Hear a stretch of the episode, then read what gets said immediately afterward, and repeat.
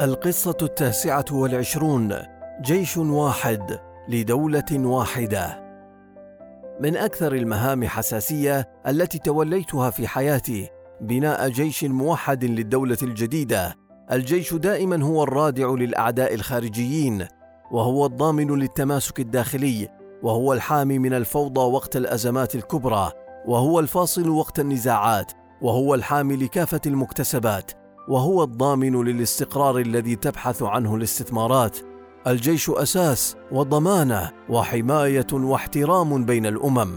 وفي حالة دولة الإمارات كان التحدي الرئيسي بناء جيش رادع لأعداء الخارج وضامن لاستقرار الداخل.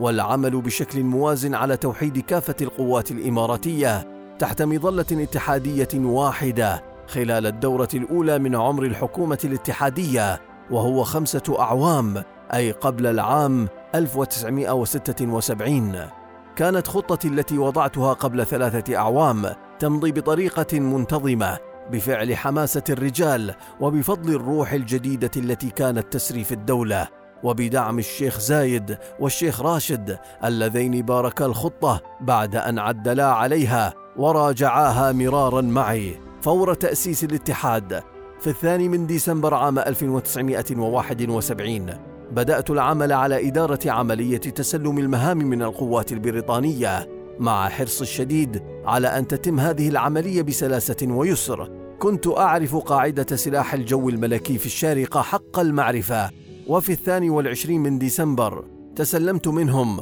قوة ساحل عمان التي تحولت إلى قوة الدفاع الموحد المكونة من سلاح الجو الملكي وكتيبة المشاة التي ضمت نحو 2500 فرد وكانت هذه القوة قد شكلتها بريطانيا في العام 1951 لبسط الأمن والاستقرار في المنطقة الممتدة من أبو ظبي إلى رأس الخيمة باستخدام بريطانيين ممن خدموا في الهند وعدد محدود من الأفراد تمت استعارة معظمهم من الفيلق العربي في الأردن بالإضافة إلى مواطنين ممن تلقوا تدريبات على يد البريطانيين وضمت هذه القوة خمس سرايا مشاة وسرية إسناد وسرية اللاسلكي وسرية التدريب وسرية المشاغل والسرية الطبية والموسيقى العسكرية ومدرسة تعليم الصغار. وقد شكلت تلك القوة لاحقا نواة صلبة لقواتنا المسلحة التي توسعت لتضم قوات دفاع الإمارات المحلية التي أنشئت من قبل حكام الإمارات كقوة دفاع أبو ظبي وقوة دفاع دبي والقوة المتحركة برأس الخيمة والحرس الوطني بالشارقة والحرس الوطني لأم القيوين.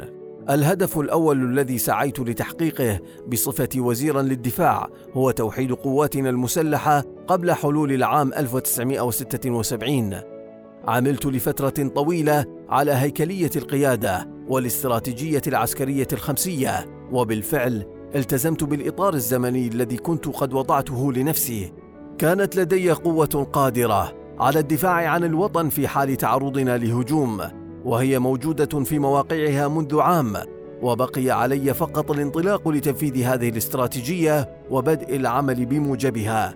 حظيت بتعاون كامل من قادة الإمارات بخاصة الشيخ زايد والشيخ راشد للخروج باستراتيجية تعبر عن الإمارات كافة وتثمر عن تشكيل جيش قوي لشعبنا. ولأنني أتحت الفرصة لهؤلاء القادة بالمشاركة والاطلاع وإدلاء الرأي ليس فقط في النتيجة وإنما في العملية نفسها فقد حظيت بدعمهم الكامل وبتشجيعهم أيضا. تمكنت من تحديد الآلات والتكنولوجيا التي نحتاجها كما حرصت بنفسي على تجربة وفحص كل قطعة من المعدات والآلات التي كنا نجلبها. كنت قادرا على رؤية وتحديد ما الذي سينجح في صحرائنا. وما الذي سيكون فعالا ومناسبا للتضاريس المختلفة؟ وما الذي سيقاوم أشعة الشمس الحارقة وينقذ حياة رجالنا في الوقت نفسه؟ أدرك كل الحكام أنني بذلت قصارى جهدي لإنجاز مهمتي ولذلك كانوا على يقين كما كنت أنا بأن الميزانية التي وضعتها لا تتضمن أي هدر على الإطلاق. في ذلك الوقت كان لدي نواة من الرجال الذين تدرجوا في الرتب خلال ثلاث سنوات من التدريب والتعليم وفقا للبرامج التي وضعتها وكنت قد أجريت محادثات على مستوى عال مع جيوش المنطقة وأرسلت مجموعات صغيرة تتكون الواحدة منها من عشرين رجلا للمشاركة في دورات تدريب العمليات في المنطقة. كان لابد أن يفهم ضباطي أنظمة تلك الجيوش ويتعرفوا على كيفية التعاون معها. ولذلك قمنا بتجربة الأسلحة والأنظمة وهياكل القيادة الخاصة بتشكيلة واسعة من جيراننا من الأردن ومصر والسودان، كما أرسلنا ضباطا إلى الخارج إلى بريطانيا وإيطاليا وفرنسا وهكذا، وبفضل مجموعة نخبوية التي حققت تقدما ملحوظا بالفعل، أدركت أنني سأتمكن من تفويض بعض صلاحياتي لهم خلال فترة زمنية وجيزة، ومعنى ذلك أنه سيتسنى لي العمل على إنشاء وزارة الدفاع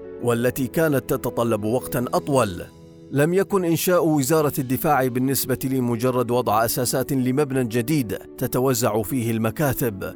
كنت أعرف أن مأسسة الوزارة تعتمد في المقام الأول على العلاقات والشبكات التي كنا سنقيمها وننشئها خلال أقصر وقت ممكن لذلك بدأت بعقد عدد هائل من الاجتماعات مع نظراء وزراء الدفاع في بلدان المنطقة. كما كان هناك مبعوثون من طرفي يتنقلون ذهابا وإيابا بشكل يومي وعلى الرغم من ضغط العمل إلا أنني حرصت على أن لا أفوت أي تدريب صباحي في ساحة العرض مع رجالي لأنني كنت حريصا على متابعة التطورات بدقة والاطلاع على المستجدات أولا بأول.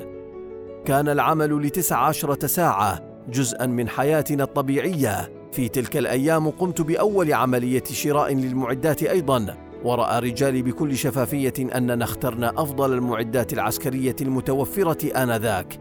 ما اضفى السعادة على الجميع. كانت دبابات سكوربيون مناسبة للغاية من حيث الوزن وخفة الحركة التي تتطلبها تضاريسنا الصحراوية. وقد وصلت مروحيات بيل من تكساس وطائرات ايرماكي التدريبية من إيطاليا وكلها قمت بفحصها بنفسي. بقدر ما كانت تلك الأيام عظيمة فقد انطوت على الكثير من التحديات والمخاطر. عندما كان رجالي يلبون النداء للقتال كنت أقاتل إلى جانبهم. كنت حريصا على أن أكون أول من يقود الرجال في النزاعات المسلحة وآخر من يغادر.